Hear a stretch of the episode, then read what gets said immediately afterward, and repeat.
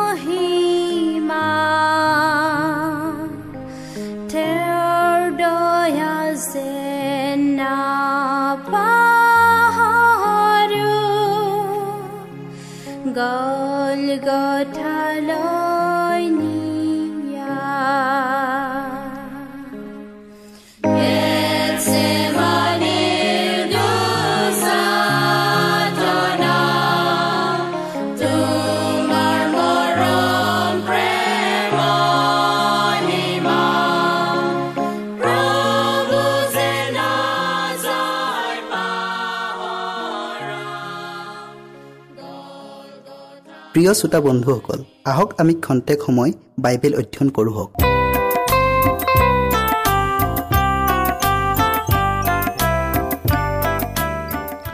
প্ৰাৰ্থনাৰ ফল। প্ৰকৃতিৰ যোগেদি প্ৰয়োজনীয় সময় সাপেক্ষে আৰু পবিত্ৰ আত্মাৰ প্ৰভাৱৰ যোগেদি ঈশ্বৰে আমাক তেওঁৰ নিজৰ বিষয়ে প্ৰকাশ কৰি আহিছে। অকল তেওঁৰ প্ৰকাশেই যথেষ্ট নহয় আমি স্বৰ্গীয় পিতৃৰ সৈতে নিবিড় সম্বন্ধ ৰাখি আধ্যাত্মিক জীৱনত অধিক শক্তিশালী হ'বলৈ আমাৰ অন্তৰাত্মাত তেওঁ সোধাই দিব লাগে। আমি তেওঁৰ বাক্য তেওঁৰ দয়া তেওঁৰ কাৰ্য তেওঁৰ অনুগ্ৰহ ইত্যাদিৰ প্ৰতি আকৰ্ষিত হ'লেও এয়াই তেওঁৰে সৈতে সম্পূৰ্ণ সম্বন্ধ ৰখাৰ যথেষ্ট পৰিচায়ক নহয়। বৰং ঈশ্বৰৰ সৈতে সম্বন্ধ গঢ়ি তুলিবলৈ হ'লে আমাৰ জীৱনৰ প্ৰকৃত দিনহীন অৱস্থা তেওঁক জনাবই লাগিব। বন্ধু বান্ধৱক নিজৰ মনৰ কথা প্ৰকাশ কৰাৰ দৰে প্ৰাৰ্থনাৰ দ্বাৰাই আমাৰ হৃদয় উজাৰ কৰি ঈশ্বৰৰ আগত আমাৰ মনৰ কথা ক'ব পাৰোঁ। আমি কোন হয় ঈশ্বৰক জনোৱাৰ সলনি আমি কেনেকৈ তেওঁৰ সান্নিধ্য লাভ কৰিব পাৰোঁ তাৰেহে চেষ্টা কৰিব লাগে। কাৰণ প্ৰাৰ্থনাই ঈশ্বৰক আমাৰ ওচৰলৈ নমাই নানে বৰং আমাকহে তেওঁৰ কাষলৈ চপাই লৈ যায়।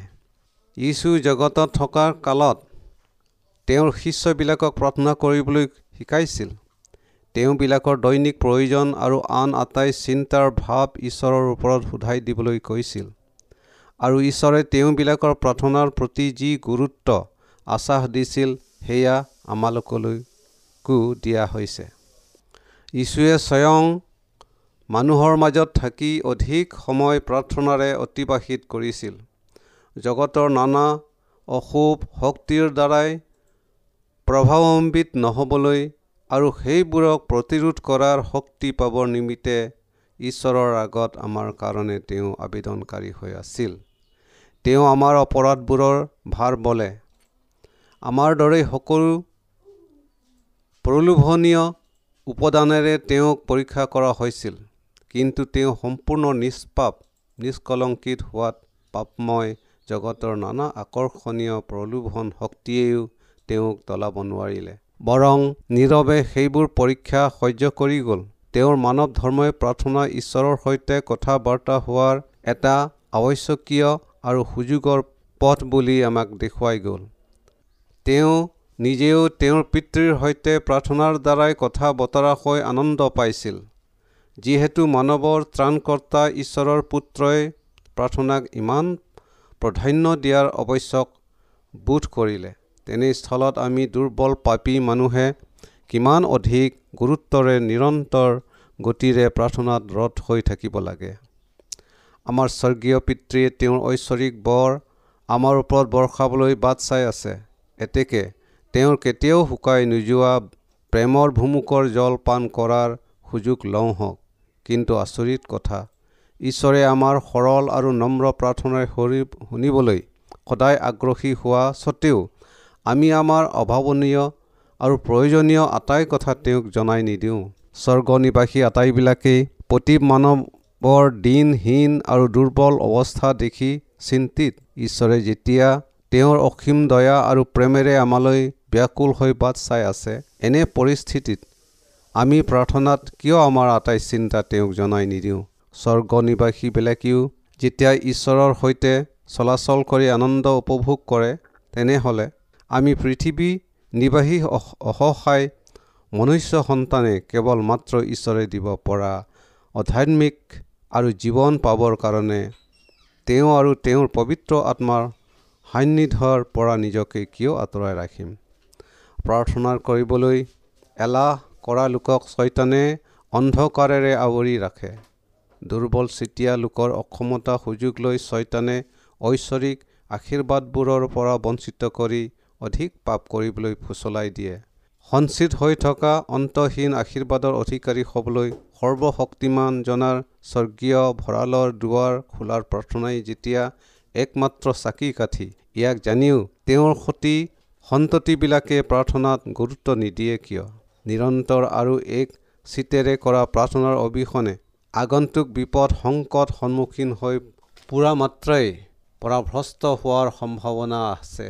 ইয়াৰ অনুগ্ৰহৰ আসনৰ ওচৰলৈ গৈ অনুতাপ আৰু ক্ৰন্দনেৰে দয়া আৰু অনুগ্ৰহ লাভ কৰি কুশক্তিক প্ৰতিৰোধ কৰিবলৈ যেন সুযোগ নাপাওঁ। তাৰ বাবে চিৰ প্ৰতিদ্বন্দ্বী শত্ৰু ছয়তানে পথ ভেটা দি আছে। নিৰ্দিষ্ট চৰ্ত সাপেক্ষে ঈশ্বৰৰ পৰা আমাৰ প্ৰাৰ্থনাৰ উত্তৰ পাবলৈ আশা কৰিব পাৰোঁ। প্ৰথমতে আমি আমাৰ নিংকিন অৱস্থালৈ চাই তেওঁৰ দ্বাৰাই সৰল হোৱাৰ প্ৰয়োজন অনুভৱ কৰিব লাগিব। ঈশ্বৰে আমাক প্ৰতি প্ৰতিজ্ঞা কৰি যিচয়া ছয়চল্লিছ অধ্যায় তিনি পদ কৈছে কিয়নো মই তৃষ্ণাটোৰ লোকৰ ওপৰত জল ঢালিম। আৰু খৰাং ঠাইৰ ওপৰত নদী বোৱাম। এইদৰে ধাৰ্মিকতালৈ ভোক আৰু পিয়াহ থকা আৰু ঈশ্বৰৰ অনুগামী হ'বলৈ বাঞ্ছা কৰা আটাই লোকবিলাকক তৃপ্ত হৈ লক্ষ্যত উপনীত হ'ব আৰু ঈশ্বৰৰ আশীৰ্বাদ প্ৰাপ্ত হ'ব। আমি আমাৰ ব্যক্তিগত প্ৰয়োজনীয় বস্তুবিলাক পাবৰ নিমিত্তে অনেক সময়ত চিন্তিত হৈ পৰোঁ। এইবোৰ পাবৰ নিমিত্তে ঈশ্বৰৰ ওচৰত চাপো হওক। কাৰণ তেওঁ কৈছে খোজা তেহে তোমালোকক দিয়া হ'ব। মুঠি সাত অধ্যায় সাত পদ যিজনাই নিজৰ পুত্ৰকো মৰম নকৰি আমাৰ আটাইৰে কাৰণে তেওঁক সোধাই দিলে সেইজনাই আমাক অনুগ্ৰহ কৰি তেৱে সৈতে সকলো নিদিবনে? ৰুমিয়া আঠ অধ্যায় বত্ৰিছ পদ আমি অন্তৰত অধৰ্ম আৰু পাপ পোষণ কৰি থাকিলে ঈশ্বৰে কেতিয়াও আমাৰ প্ৰাৰ্থনা নুশুনে।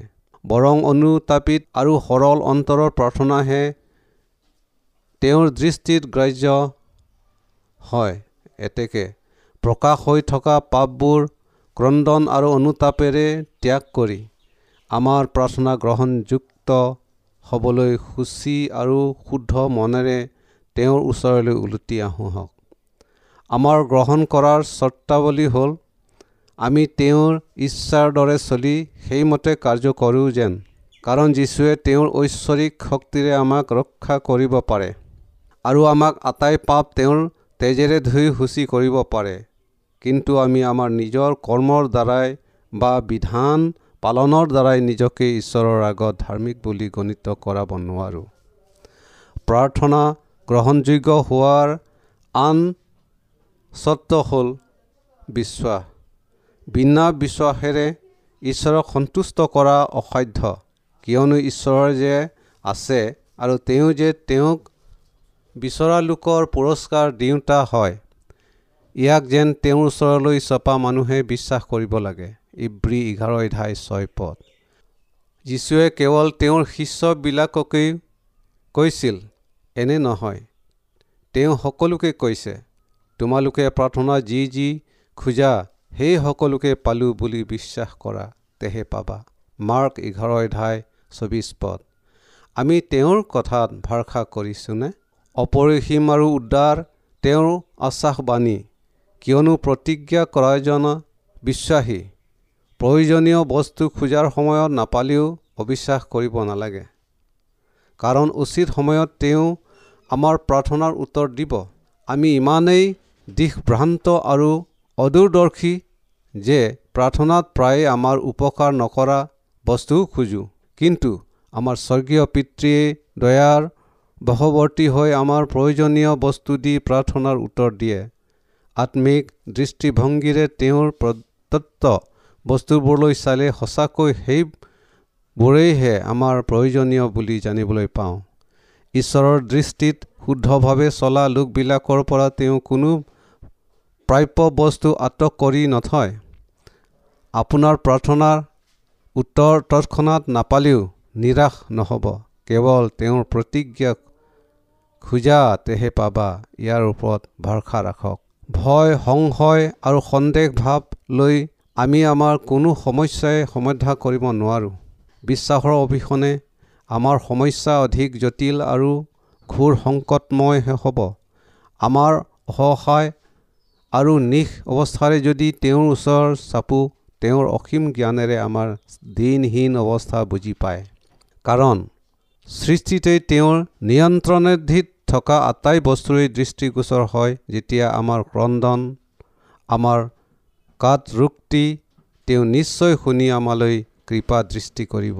আমাৰ সৰল আৰু বিনম্ৰ প্ৰাৰ্থনাৰ দ্বাৰাই সৰ্বব্যাপীজনৰ সৈতে একত্ৰিত দয়াৰে আৱৰি ধৰে বুলি কোনো উল্লেখযোগ্য প্ৰমাণ নাথাকিব পাৰে। নাইবা তেওঁৰ হাতৰ দৃশ্যমান পৰশ অনুভৱ নকৰিব পাৰোঁ। কিন্তু তেওঁৰ প্ৰেম আৰু মৰমীয়াল হাত সদায় আমাৰ ওপৰত আছে। ই নিৰ্ঘাত সত্য। যেতিয়া আমি তেওঁৰ পৰা দয়া আৰু অনুগ্ৰহ খোজোঁ আমাৰ হৃদয়তো ক্ষমা আৰু প্ৰেম ভাৱ স্থিতি হ'ব লাগিব।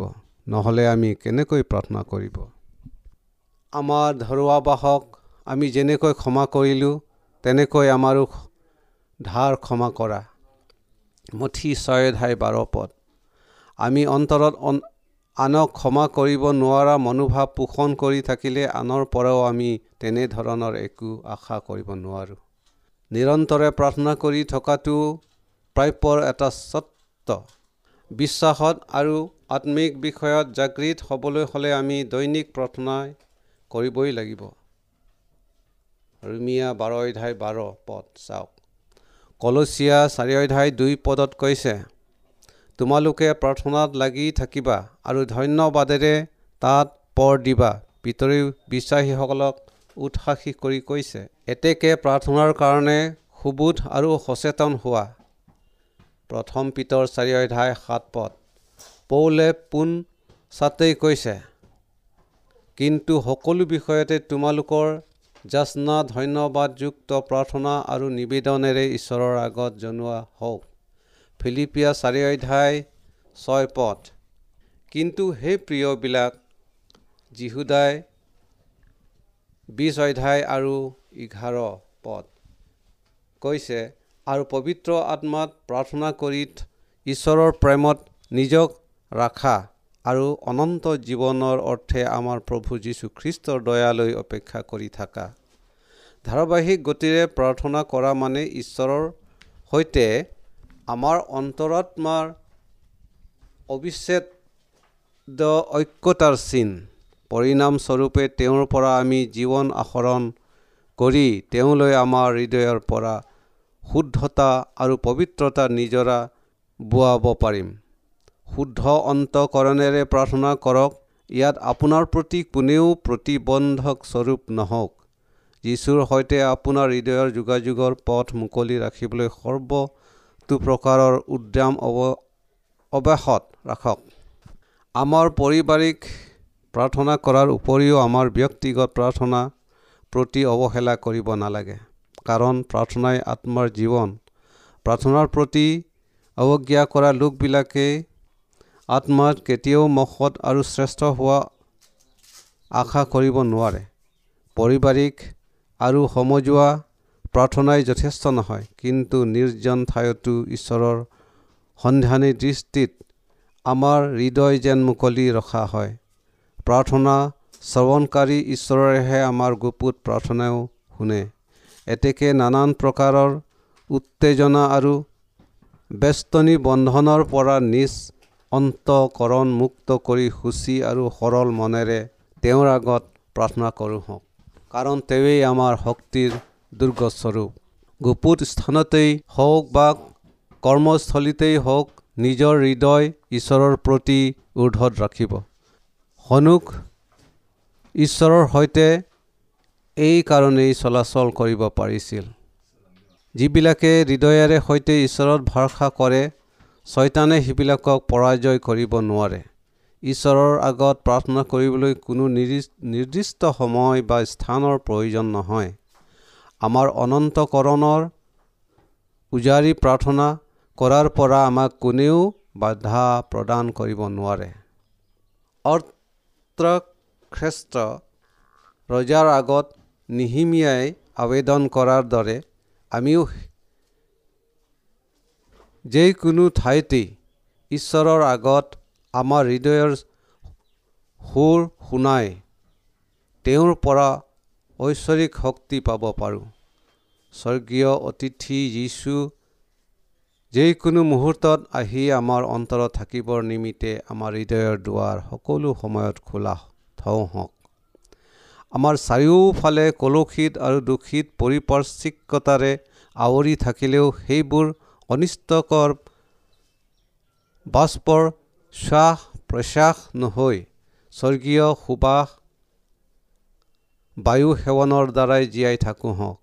কিয়নো ঈশ্বৰৰ আগত আমাৰ নিস্বাৰ্থ প্ৰাৰ্থনাৰে আমাৰ চাৰিওফালে বিস্তৃত হৈ থকা অসুচি আৰু কলুষিত ভাৱ কল্পনা প্ৰতিৰোধ কৰিবলৈ আটাই দ্বাৰ ৰোধ কৰিব পাৰোঁ। ঈশ্বৰৰ অনুগ্ৰহ আৰু আশীৰ্বাদ পাবলৈ যিজনে নিজৰ হৃদয় মুকলি ৰাখে তেওঁবিলাকে জগতৰ সকলো অভিলাষৰ পৰা নিজকে পৃথক ৰাখি তেওঁৰ স্বৰ্গীয় পথত আহ বাস কৰি এক সমধুৰ পৰিৱেশৰ সৃষ্টি কৰিব। স্বৰ্গীয় মধুৰ সুবাসৰ ঘ্ৰাণ ল'বলৈ আমাৰ হৃদয় ঈশ্বৰৰ ওচৰলৈ চপাই লওঁ হওক সাধাৰণতে ফুলে যেনেকৈ সূৰ্যৰ ফালে মুখ কৰি থাকে তেনেকৈ আমাৰ আকস্মিক দুখ সংকটৰ পৰা উদ্ধাৰ পাবলৈ আমিও যেন তেওঁৰ ফালে দৃষ্টি ৰাখোঁ হওক। আপোনাৰ আটাই চিন্তাৰ ভাৰ ঈশ্বৰৰ ওপৰত পেলাই দিয়ক। সেই চিন্তাৰ ভাৰে তেওঁক ভাগৰ লগাব নোৱাৰে। যিজনাই আমাৰ মূৰৰ আটাই চুলিকে গণিব পাৰে সেইজনাই তেওঁৰ সন্তানৰ প্ৰয়োজন। কি সেইবোৰ সকলো জানে? কাৰণ প্ৰভু অতি স্নেহৱান আৰু দয়ালু। ইয়াকোব পাঁচ অধ্যায় এঘাৰ পদ। দুখ কষ্ট ক্ৰদনৰ সুৰ তেওঁৰ স্নেহশীল হৃদয়ত স্পৰ্শ কৰে। যিজনাই গোটেই জগতৰ চিন্তা আঁতৰাব পাৰে আৰু জগতখনকেই ধৰি ৰাখিছে তেওঁৰ মনত আমাৰ চিন্তাৰ ভাৰ তেওঁৰ কাৰণে অতি তুচ্ছ। আমাৰ প্ৰয়োজনীয় বস্তু অতি ক্ষুদ্ৰ হ'লেও তাকো তেওঁ মন নকৰাকৈ নাথাকে। আমাৰ জীৱনৰ এনে অতি অন্ধকাৰ অধ্যায় নাই যে তেওঁৰ দৃষ্টিত অগোচৰ হৈ থাকিব। অথবা তেওঁ আমাৰ কঠিন জটিলতাকো সমাধান কৰিব নোৱাৰে। তেওঁৰ সন্তানবিলাকৰ ওপৰত কোনো বিপৰ্যয় নঘটিব। কোনো দুশ্চিন্তাই বিচলিত নকৰিব। বিশ্বাসী লোকৰ ওঠৰ পৰা ওলোৱা জয়োল্লাস আৰু বিনম্ৰতাৰ প্ৰাৰ্থনাও স্বৰ্গীয় পিতৃৰ কৰ্ণগোচৰ নোহোৱাকৈ নাথাকিব। নাইবা ইয়াৰ প্ৰতিক্ৰিয়াও নহ'ব। কাৰণ তেওঁ ভগ্নচিতীয়া লোকবিলাকক সুস্থ কৰে আৰু সিবিলাকৰ ঘা বান্ধে। গীতমালা এশ সাতচল্লিছ অধ্যায় তিনি পদ। প্ৰত্যেক আত্মা আৰু ঈশ্বৰৰ মাজত যি নিবিড় আৰু অভিন্ন সম্বন্ধ আছে তেওঁৰ সেই মৰমীয়াল সমভাগী জগতৰ আন কাৰো সৈতে তুলনা নহয় যি তেওঁৰ অতি চেনেহৰ একমাত্ৰ পুত্ৰক দান কৰিব পাৰে। যীশুৱে কৈছিল সেইদিনাই মোৰ নামেৰে খুজিবা আৰু মই তোমালোকৰ নিমিত্তে পিতৃক নিবেদন কৰিম। এনেকৈ নকওঁ কিয়নো পিতৃয়ে নিজেই তোমালোকক প্ৰীতি কৰে। জোহন ষোল্ল অধ্যায় ছাব্বিছ পদ। মইহে তোমালোকক মনোনীত কৰিলোঁ আৰু মোৰ নামেৰে পিতৃৰ আগত যি খুজিবা তাকে তেওঁ তোমালোকক যেন দিয়ে। জোহন পোন্ধৰ অধ্যায় ষোল্ল পদ চাওক। আমি কিবা প্ৰয়োজনীয় বস্তুৰ বাবে যাচনা কৰিলে তেওঁ কৰা প্ৰতিক্ৰিয়াৰ ওপৰত সম্পূৰ্ণ ভৰসা ৰাখিব লাগে। আমি ঈশ্বৰৰ সেৱা আৰাধনা কৰিবৰ অৰ্থে সাধু সন্যাসীৰ বেশ লৈ জগতৰ পৰা নিজকে পৃথকে ৰখাটো ঈশ্বৰৰ ইচ্ছাৰে কৰা ধৰ্ম কৰ্ম নহয় বৰং আমাৰ জীৱন খ্ৰীষ্টৰ জীৱনৰ দৰে হ'ব লাগে। জনশূন্য স্থানৰ পৰা জনসমাগমলৈ কিছুমান লোকে প্ৰাৰ্থনা কৰে কিন্তু সেই অনুসাৰে কৰ্ম নাই। ই কেৱল নীতিগত প্ৰাৰ্থনাহে ইয়াত বিশ্বাস আৰু আত্মিকতাই নাই। যেতিয়া মানুহে নিজকে সামাজিক জীৱনৰ পৰা পৃথকে ৰাখে খ্ৰীষ্টৰ কৰ্মক্ষেত্ৰত আৰু সাক্ষ্য দান দিয়াৰ পৰা বিৰত হৈ থাকে তেওঁবিলাকৰ প্ৰতি প্ৰাৰ্থনাৰ বিষয়টো মূল্যহীন হৈ পৰাৰ উপৰিও নিজেও ঈশ্বৰলৈ অকামিলা আৰু ভক্তিহীন হৈ পৰে। তেওঁবিলাকৰ প্ৰাৰ্থনা ব্যক্তিগত আৰু স্বাৰ্থপৰ হয় কিয়নো আনৰ প্ৰতি উপকাৰ কৰিবলৈ বা ঈশ্বৰৰ ৰাজ্যৰ বৃদ্ধি অৰ্থে নিজেও পৰিশ্ৰম কৰিবলৈ শক্তি নিবিচাৰে। যেতিয়া আমি পৰস্পৰে একগোট হৈ ইজনে সিজনক উৎসাহ উদগনি দি অথচ ঈশ্বৰৰ পৰিচৰ্যা সুযোগৰ অৱহেলা কৰোঁ তেতিয়া অনৰ্থক ফলহীনতা ভোগ কৰাৰ উপৰিও তেওঁৰ সত্য বাক্যৰ সঞ্জীৱতা আৰু প্ৰয়োজনীয়তা আমাৰ মনত নিৰৰ্থক হৈ পৰে। খ্ৰীষ্টত বিশ্বাসী হিচাপে এজনে আনজনৰ প্ৰতি সহানুভূতিৰ অভাৱ হৈ পৰে কাৰণ ঈশ্বৰে আমাক যি উদ্দেশ্যৰ কৰ্তব্য সাধনৰ সমৰ্থ দিলে তাৰ উচিত প্ৰয়োগ কৰিব নোৱাৰিলোঁ। ঈশ্বৰে যে আমাৰ প্ৰতি যত্ন লয় এই কথা মনত ৰাখি আনৰ আগতোকৈ তেওঁৰ গৌৰৱ কৰিব লাগে। আমি আমাৰ প্ৰয়োজনীয় জাগতিক বস্তুৰ বিষয়ে কওঁ প্ৰিয় বন্ধুৰ বিষয়ে কওঁ কাৰণ আমাৰ সুখ দুখ এই আটাই বিষয় সিবিলাকৰ সৈতে জড়িত আছে। তথাপিও আমাৰ প্ৰথম দিশটো হ'ল জগতৰ বয় বস্তু বন্ধু বান্ধৱতকৈ ঈশ্বৰকহে প্ৰেম কৰিব লাগে। আৰু তেওঁৰ ঐশ্বৰিক শক্তিৰে আমালৈ যি দয়া অনুগ্ৰহ কৰিলে তাকো আনৰ আগত ঘোষণা কৰিব লাগে। আমাৰ ওপৰত বৰষুৱা অগণন আশীৰ্বাদৰ বাবে সৰ্বশক্তিমান জনাৰ প্ৰতি কৃতজ্ঞতা স্বীকাৰ কৰোঁ হওক। যি স্বৰ্গীয় আৱাস তম্বুত ঈশ্বৰৰ প্ৰতাপৰ জ্যোতিয়ে খ্ৰীষ্টৰ সন্মুখ উজ্বলাই ৰাখিছে তালৈ চকু তুলি চাওঁ হওক। কাৰণ ঈশ্বৰৰ ওচৰলৈ চপাসকলক সদাকালৰ অৰ্থে তেওঁবিলাকৰ পৰিত্ৰাণ কৰিব পাৰে ইব্ৰী সাত অধ্যায় পঁচিছ পদ। লোকবিলাকে জিহুৱাৰ নিমিত্তে তেওঁৰ প্ৰশংসা কৰক। মনুষ্য সন্তানবিলাকলৈ কৰা তেওঁৰ আচৰিত কাৰ্যৰ নিমিত্তে তেওঁৰ প্ৰশংসা কৰক। গীতমালা এশ সাত অধ্যায় আঠ পদ। আমাৰ সেৱা উপাসনা কাৰ্যৰ যোগেদি কেৱল খোজাটোৱেই মুখ্য বিষয় নহওক বা স্বাৰ্থপৰ ভাৱ উৎপন্ন নহওক ঈশ্বৰৰ দয়া আৰু অনুগ্ৰহ প্ৰতিক্ষণতে আমি পায়েই আহিছোঁ। তাৰ পৰিৱৰ্তে আমি তেওঁৰ প্ৰতি কিমান কৃতজ্ঞ হৈছোঁ আৰু ধন্যবাদ জনাইছোঁ। অতীজতে ঈশ্বৰৰ ইছৰাইলবিলাকক আদেশ দি কৈছিল আৰু মই আৰু সেই ঠাইতেই তোমালোকক ঈশ্বৰৰ জিহুৱাৰ আগত ভোজন কৰিবা। আৰু তোমাৰ ঈশ্বৰৰ জিহুৱাই যিহত আশীৰ্বাদ দিব তোমালোকে হাত দিয়া সেই সকলো কাৰ্যত তোমালোকক সপৰিবাৰে আনন্দ কৰিবা। দ্বিতীয় বিৱৰণ বাৰ অধ্যায় সাত পদ। আমি আনন্দ আৰু সৰ্ষিত মনেৰে ধন্যবাদ ও প্ৰশংসাৰে ঈশ্বৰৰ সেৱা আৰাধনা কৰিব লাগে। বিষণ্ন আৰু অসন্তোষ মনেৰে নহয়। আমাৰ ঈশ্বৰ এজনা মৰমীয়াল পিতৃ তেওঁক সেৱা আৰাধনা কৰাটো অন্তৰত দুখদায়ক বা কষ্টদায়ক কাৰ্য। এনে দৃষ্টিভংগী পোষণ কৰাটো কোনো ৰূপেই উচিত নহয়। তেওঁৰ আৰাধনা কৰাটো আৰু তেওঁৰ কাৰ্যত ভাগ লোৱাটো অতি সুখৰ আৰু আনন্দৰহে বিষয়। কাৰণ নিষ্ঠুৰ কৰ্মচাৰীৰ দৰে কোনো কথাতেই আমাক বলপূৰ্বক বাধ্য নকৰায় তেওঁৰ সন্তানবিলাকে তেওঁৰ কাৰ্যত কষ্টবোধ নাইবা কঠিনতাবোধ অনুভৱ নকৰি আনন্দ মনেৰে শ্ৰম কৰি যোৱাটো বাঞ্ছা কৰে। আমি ক্ৰুচৰ ওচৰলৈ আহি খ্ৰীষ্টৰ আৰু তেওঁৰ ক্ৰুচাৰোপিত কাহিনী বৰ্ণনা কৰি হৃদয়ত সান্তনা লভো হওক ক্ৰুচত যিজনৰ হাতত আমাৰ কাৰণে আহুতি দিলে আমি তেওঁৰ সেই প্ৰেমত ভৰসা ৰাখোঁ হওক ঈশ্বৰৰ প্ৰতি আমাৰ গীত প্ৰশংসা স্তৱ স্তুতি সুগন্ধি ধোঁৱা স্বৰূপ তেওঁৰ ওচৰলৈ উঠক কিয়নো যিজনে স্তুতিৰূপ বুলি উৎসৰ্গা কৰে সেইজনেই মোক গৌৰৱান্বিত কৰে। গীতমালা পঞ্চাছ অধ্যায় তেইছ পদ।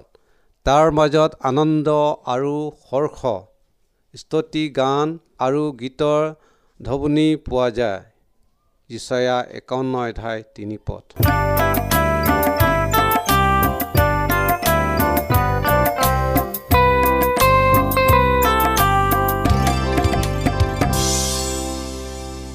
ৰাখিব আমাৰ ঠিকনাটি পুনৰ কৈ দিছোঁ। Adventist world radio' Assam region of seven day Adventist voice of hope Lotakata Basistha Guwahati seven eight one zero' two nine প্ৰিয় শ্ৰোতা বন্ধুসকল এডভেণ্টিজ ৱৰ্ল্ড ৰেডিঅ' যোগে আহাৰবাণী প্ৰচাৰত আপোনালোকক পুনৰ লগ পোৱাৰ আহাৰে আজিলৈ সামৰিলোঁ। ধন্যবাদ।